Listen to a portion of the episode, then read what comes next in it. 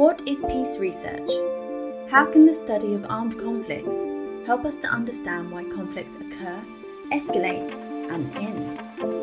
The Department of Peace and Conflict Research at Uppsala University has been working on building the foundations for understanding these critical questions since 1971. Researching Peace is a podcast celebrating 50 years of peace research at Uppsala University.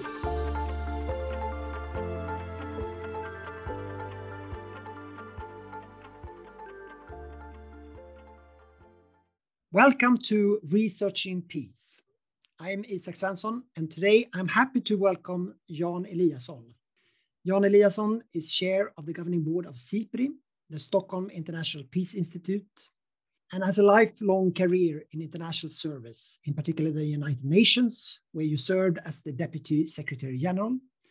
You have also been the Foreign Minister of Sweden, and you are also honorary doctor at Uppsala University. Welcome, John. Great to have you here. Thank you very much, Isak. Good to see you.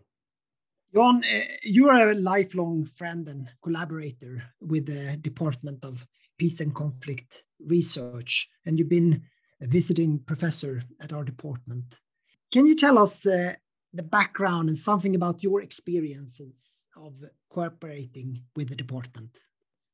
Well, I started uh, cooperation with the department in the 80s. Uh, Professor Peter Wallensteen invited me to come.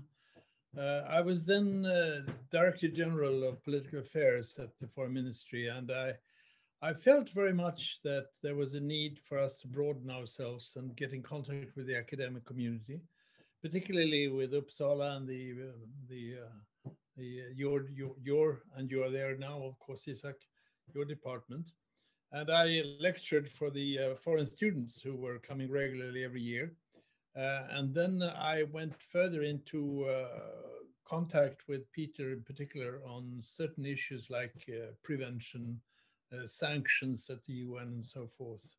And I found it more and more rewarding. And uh, indeed, I, I thought it was so important that I took a break from the foreign ministry to be visiting professor Unfortunately, that coincided with the mediation in Nagorno-Karabakh, but I found links then also to the uh, department and had assistance in certain aspects in that conflict, as I did also in later conflict. So uh, it's a long relationship and uh, very close. And my conviction from the uh, early 80s have, has only been strengthened uh, that I feel that there is a tremendous important work more horizontally and less vertically and in silos. I think we need to uh, connect uh, not only to the academic community from the uh, from, from the dip diplomatic side, but also to the private sector, to the civil society, and so forth. I think this approach of, of bringing different actors around the problems and issues is the most fruitful, and effective one uh, that we should employ more in the future. Mm. That's super interesting to hear about this history. So, Jan, you, you have been serving as a world leading diplomat, working for peace and multilateralism in your whole life. And can you um, explain a little bit how do you see the interaction between theory and practice in the context of peace and conflict? Well, I can pick up from where I'm ended in my first answer. Uh, Nagorno Karabakh, uh, one of the main issues in that conflict was, of course, the status of uh, the uh, Nagorno-Karabakh, uh, an Armenian-speaking part of Azerbaijan, but also an integrated part of Azerbaijan legally.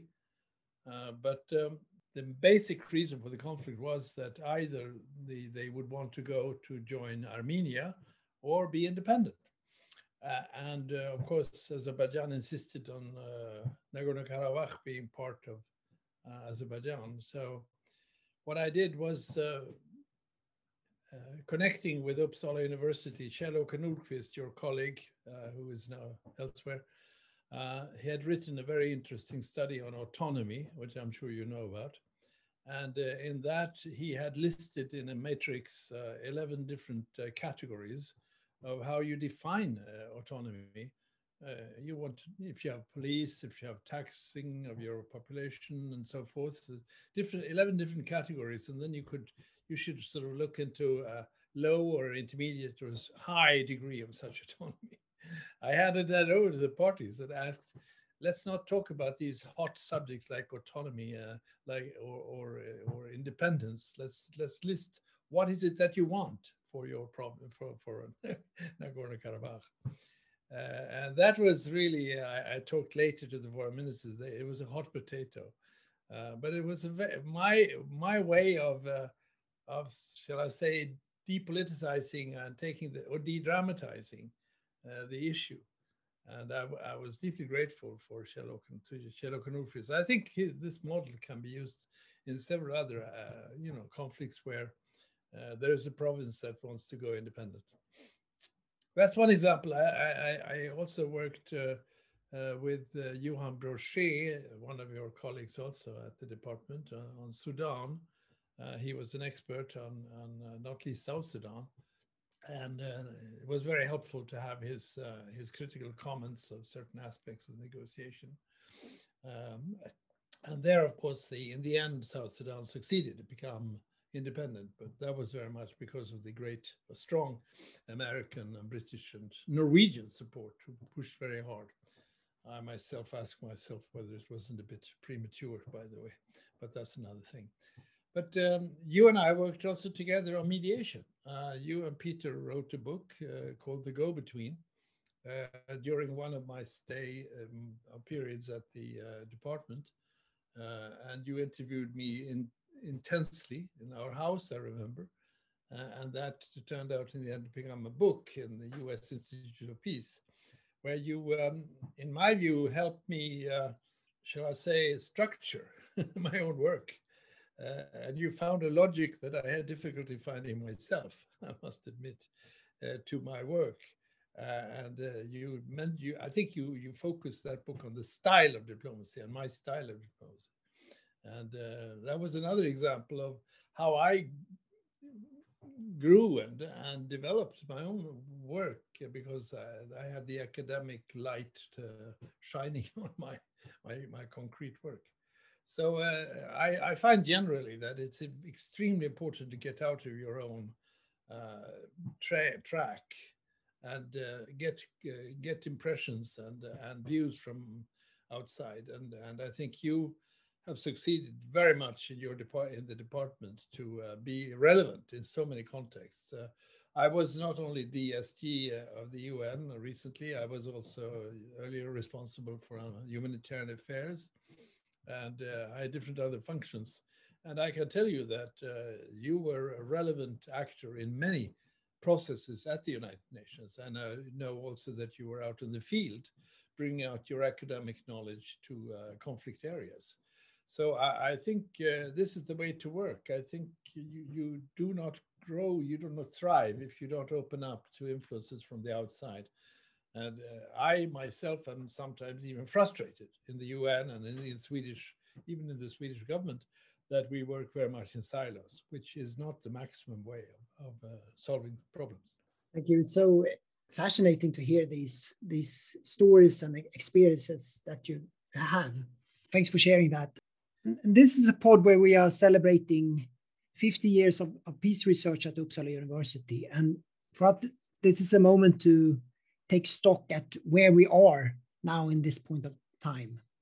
So if you were to apply a sort of a longer term perspective and, and sort of zoom out and have a very apply the broad strokes, what in your perspective are the main achievements in the world when we think about peace and conflict during these 50 years? Well, on the achievement side, I guess you will come to the uh, challenges uh, later, but on the achievement side, I am a bit uh, myopic in the way that during my years at the UN recently, I, don't think that the year 2015 has been given enough credit for the pro progress made that year parts of my time in, in, in, in, the other respects was not as successful. For instance, the Syria war went on and on. But 2015, there were three things I'd like to mention, uh, and which uh, have some hopefully lasting consequences. One was, of course, the 25th of September 2015, when we uh, established the uh, Agenda 2030 the 17 Sustainable Development Goals. Uh, to me, they are a toolbox to repair the world and a roadmap to a sustainable future. Johan Rockström, the uh, reputed Swedish uh, climate researcher, called it uh, a survival kit for humanity. Uh, he said that because he found that the second big achievement that year, uh, the climate change agreement in Paris in December 2015, does not really have an action plan, plan of its own. So when he congratulated me as Deputy Secretary General, having part, being part of the conclusion, uh, the negotiation and the conclusion of those goals, the SDGs and the Agenda 2030, he said that it is, in fact, the uh, action plan for the climate agreement. If we follow the uh, seven, if we uh, if we fill, if we achieve the 17 goals, we're in good shape for the uh, climate agreement. So uh, he wanted, and I want very much to connect the uh, these two achievements, the SDGs of September 2015 with the climate um, agreement in Paris 2000 in December 2015. Apart from that, there was a political negotiation in which I also took part, uh, which was extremely important, where unfortunately we have landed into a more troubled situation later. But there was an enormous diplomatic uh, effort made to bring about the uh, Iran deal, the JCPOA, uh, in the summer of 2015. It was an enormous effort and with very skilled diplomats from all sides in that negotiation. I was really impressed by them. And I was part of that since we wanted very much to give a United Nations blessing to this uh, agreement because it was very much part of the what we want to achieve with the non-proliferation regime, of course. The JCPOA, the Iran deal, is a very important uh, contribution to non-proliferation if it is, you know, working. But unfortunately, President Trump left, withdrew from the agreement, uh, 2018. And now uh, it has taken a bit too long for me uh, to see that to, to get the Biden administration back in the agreement, but I hope still that this will be the case. In case, I only want to say these are three things that happened 2015 that were, I think, great achievements. Uh, otherwise, I think the um, the uh, another thing that I was thinking of in terms of achievement during this year, these past years, I, I think the uh, the emergence of vaccines uh, in the pandemic was a tremendous achievement. Uh, when we started to, to look into how long it would take, we thought it was two or three years. And in the end, it was one year. And that was really miraculous and made a huge difference, of course. unfortunately, uh, the vaccine hasn't reached the poor countries as much as it should. The COVAX problem, program is there, supported by countries like Sweden, but uh, not enough to make this gap between the rich and the poor countries. But here are some achievements that I would, would want to point at. But also by pointing to this, I also point to the fact that the kind of problem that we have today uh, land in the category of broader security problems. It's not, uh, I, of course, we have to worry about nuclear war always. And as a SIPRI uh, chair, I am indeed worried about the new developments and and the new technology and that could have effects on nuclear weapons, particularly if there's lack of trust. But otherwise, the, the, the huge problems, the global problems, are of a nature uh, that are long term and require an enormous amount and quality of international uh, cooperation, like the pandemics and uh, the uh, climate crisis.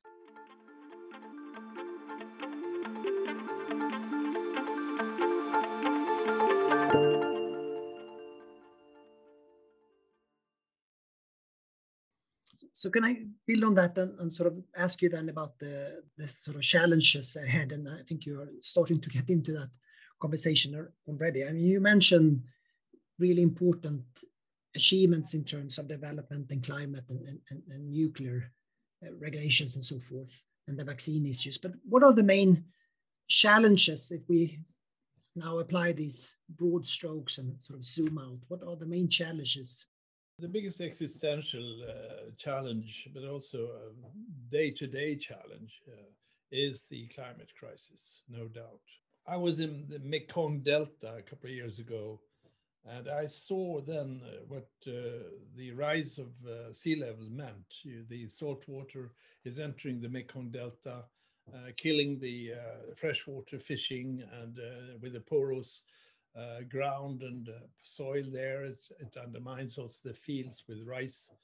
And um, I could see the effect of uh, the global the, the rise of the sea level in, in one particular area. And th that led me to the conclusion already then that the these the the climate crisis is now.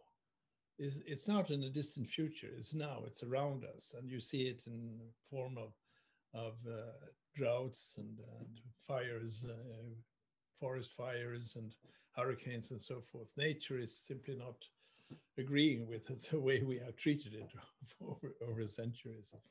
Uh, the second uh, new challenge of that global uh, character is the health crisis and the risks in terms of pandemics. I myself have actually been involved several times in the past. The SARS, I was involved in uh, the avian flu when I was President General Assembly, it was an issue.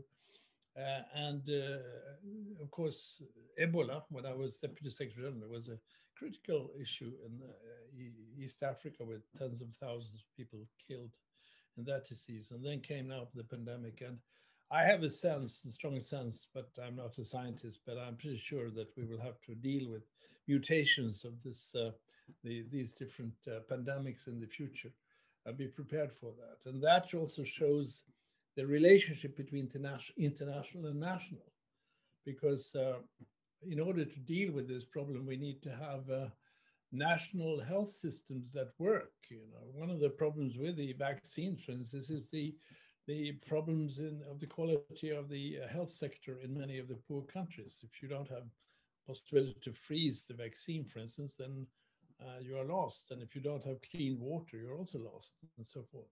So uh, that's another conclusion of uh, how I would define the challenges today that it's impossible to draw a line, a sharp line between domestic and international, uh, both in terms of climate and in terms of, of uh, pandemics. Uh, it's impossible to draw a line. It has international and domestic implications. And uh, this goes for so many other areas. Uh, for instance, one obvious one, uh, migration and refugees. It's impossible to divide that into an international or national dimension. It is both. Uh, and uh, this means that uh, we, we must see international relations also in the domestic perspective and vice versa, of course. And that's a huge challenge to bring that about. When I started in the foreign ministry many years ago, international issues were separate. You know, foreign policy was something exclusive with diplomats in ties at conference and so forth. Now it's all in, it's all interrelated, uh, domestic and international. Uh, the third, or well, I don't know if it's third or fourth, but the fourth issue that I'd like to mention as a big problem, a big challenge today, is the growing distrust and mistrust uh, between major actors in the world, but also, let me underline that, inside countries. Uh, I think we have seen a uh, sharpening of differences uh, maybe the word polarization is overused, but it, it, it, reflects what I want to say is that we have dug the trenches very deep. Uh, and you see it in the lack of trust between the major actors, China, US, and Russia now, for instance, with the serious risks in terms of how conflicts can develop into even very dangerous uh, military uh, confrontations. But you also see inside countries uh, a uh, maybe also encouraged by and driven by the enormous uh, changes in the information technology and social media and so forth. A uh, sort of widening of gaps and sharpening of language to a degree that you don't, in my view, carry on the normal conversations and negotiations and discussions uh, you go straight to confrontation, uh, both even on a personal level, if you look at the different social media, for instance. So uh, that is something that I have difficulty defining, but I think we, we need to, to look at that issue from the perspective of the lack of trust and how we create trust and how we slow the, uh, the uh, the uh, conversation and analysis or allow thorough discussions.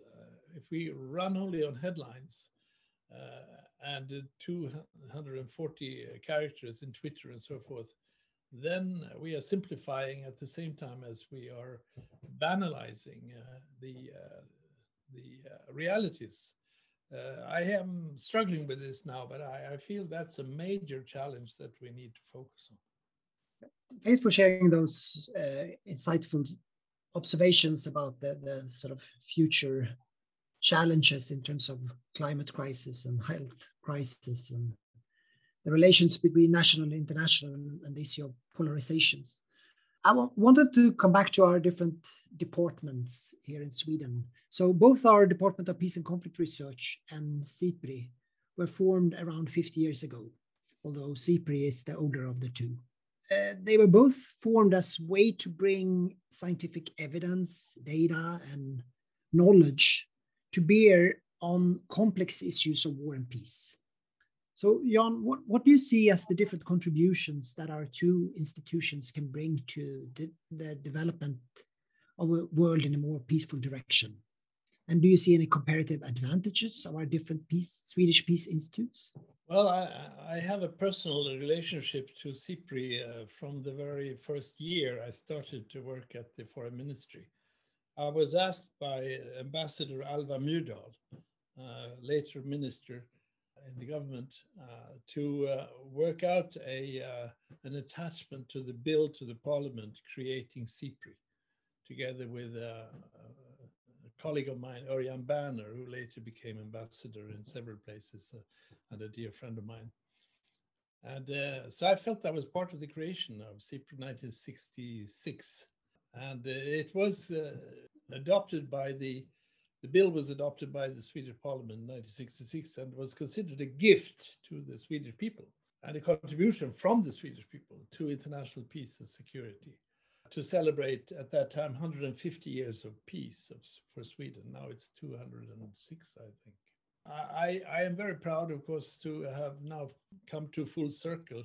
Uh, Alva became the first chair of SIPRI, and here I am now, chair of SIPRI, uh, uh, some years later, to say the least.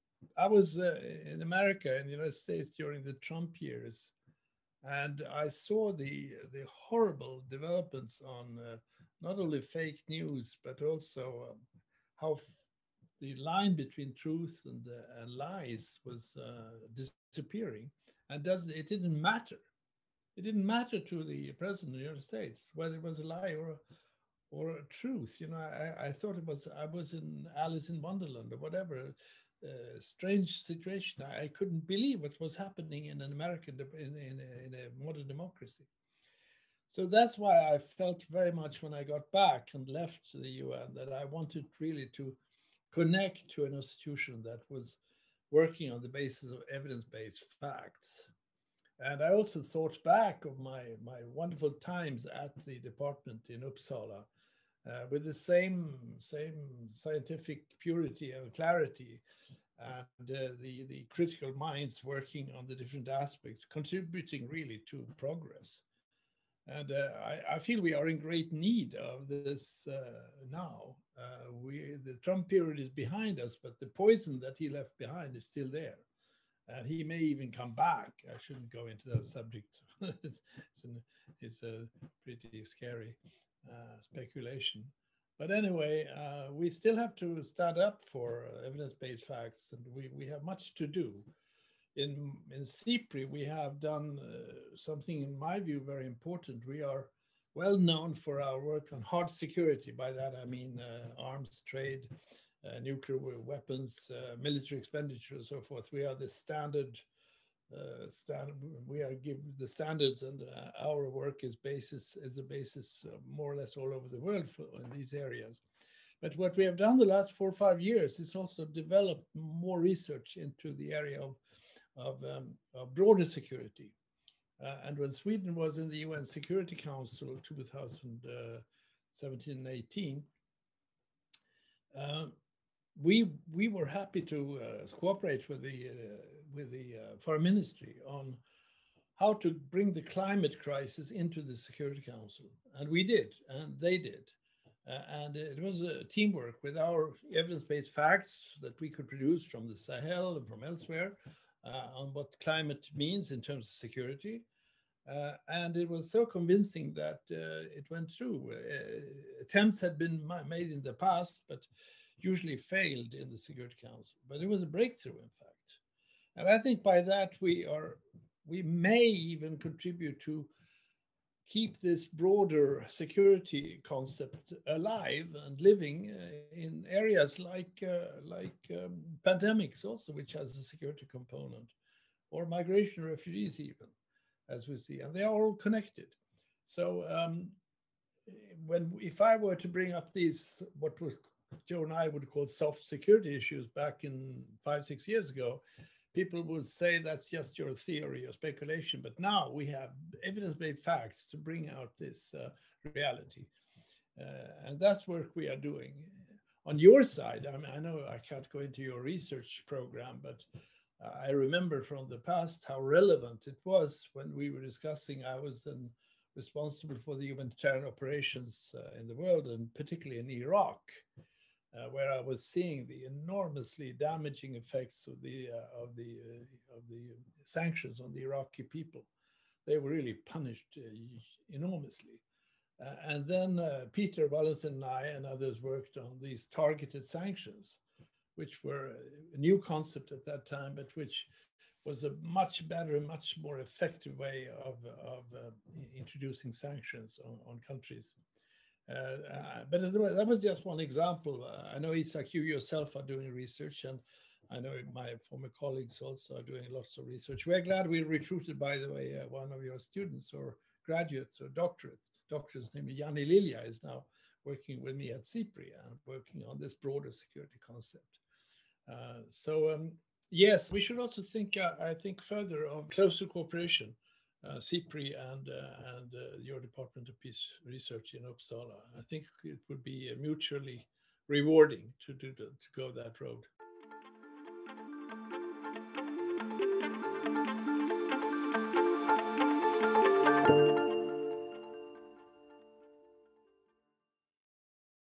One last question to you. So, at the department, we are training students to become scholars in peace and conflict research or practitioners working in the field of peace and conflict. And many who are listening to this pod are active, former, or coming students.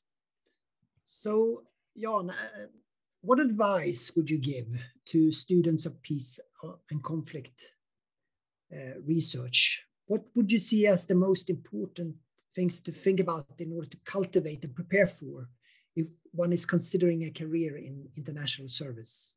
Well, you yourself know uh, how much I am involved in, have been involved in mediation and negotiations. Uh, and I think there is a, a need for a deeper study of uh, the uh, elements, uh, the key elements of mediation and negotiation.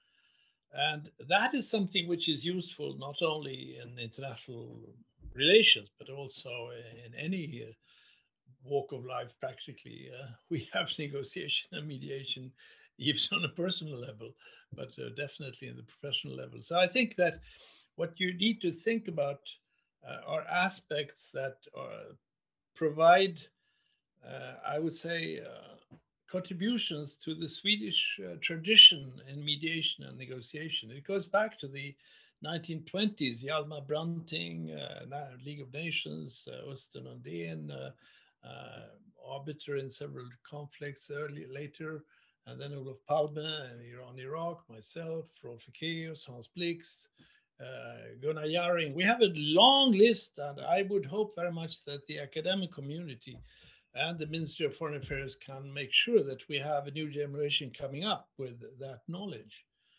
And in the area of mediation, I have a few advice. One is to be extremely well versed in the subjects that you need to deal with you don't need to show the different parties that you are so skilled, but you should you must know where the traps are set by them. Uh, you need also to make an analysis of the conflicts uh, to see whether there is a prospect of finding a solution at all. If if one of them or two of them doesn't really want a solution, but they just do the mediation for show, then forget it. I have declined offers to mediate because they were not interested. Really, basically, it's uh, you know. I always use the term you have written about it. Also, you have quoted me that uh, you can bring the horses to the water hole, but you can't force them force the horses to drink. So, uh, and, and, then um, uh, I am I've listed four categories which are important to succeed in negotiations. One is the word, the care of the word, the selection of the right word in a mediation situation, negotiation situation, which means that you have to be fluent in uh, not only your native tongue, but absolutely fluent in English, knowing uh, many synonyms for the keywords and so forth, and possibly also French and another language. Uh, then also uh, the the the the, uh, the art of timing. It is really not sufficiently focused on. Uh, there has to be always an analysis of the timing element in what you need want to achieve. That is not being done. Uh, I am insisting on a timing analysis on any mediation that I'm doing, negotiation. The third aspect is cultural sensitivity. Uh, which is needed both inside nations, but particularly, of course, in international negotiations. Uh, it's extremely important to know in which uh, cultural environment you are doing your work. And the last thing is personal relations and personality, uh, which you have written about in my work, uh, which is crucial. you need to instill confidence and trust on the other side, and they have to rely on you and know that you always tell the truth. If they find that you are sort of gliding and sliding on truth, you are out. So these are some practical advice, but I would hope that if you could, uh, if we could work together, SIPRI, uh, your department and the Ministry of Foreign Affairs, to see how the next generation are best equipped to come out and do that work that uh, some of us did for many years, over many years. I was glad to see a Swede, Hans Grundberg, now being special envoy for Yemen. Uh, and he is, uh, to me, a young diplomat. So I'm glad that uh, the tradition seems to live. And with your help from Uppsala, uh, you could contribute very much. And you should know uh, that you are so well known uh, in the international community. Mm. I always tell young people who want to go the direction of diplomacy that they should try to get into your department because it uh, it is usually very much uh, appreciated by the readers of the CVs when applications for jobs are being handed in. So good luck for the next uh, 50 years. Thank you so much, Jan. And, and thank you for being part of this conversation. This has been so very interesting. Uh, and we look forward to welcoming you to Uppsala when we meet to celebrate our 50 years anniversary. I'll be there, inshallah. Uh, 14th of October, that is.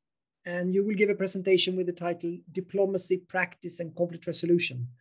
So, develop the theme that you have talked about here today. And this will be a hybrid event. So, we welcome listeners to this pod, and you can join us either physically in Uppsala at the Grand Auditorium at University Main Building or listen and watch the event online. So thank you, Jan. For inviting me, and uh, again, congratulations to the 50th anniversary, and uh, good luck for the future. Thank you so much, and thank you all for listening to Researching Peace.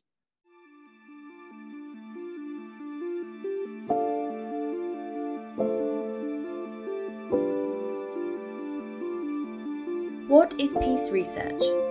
How can the study of armed conflicts help us to understand why conflicts occur, escalate, and end.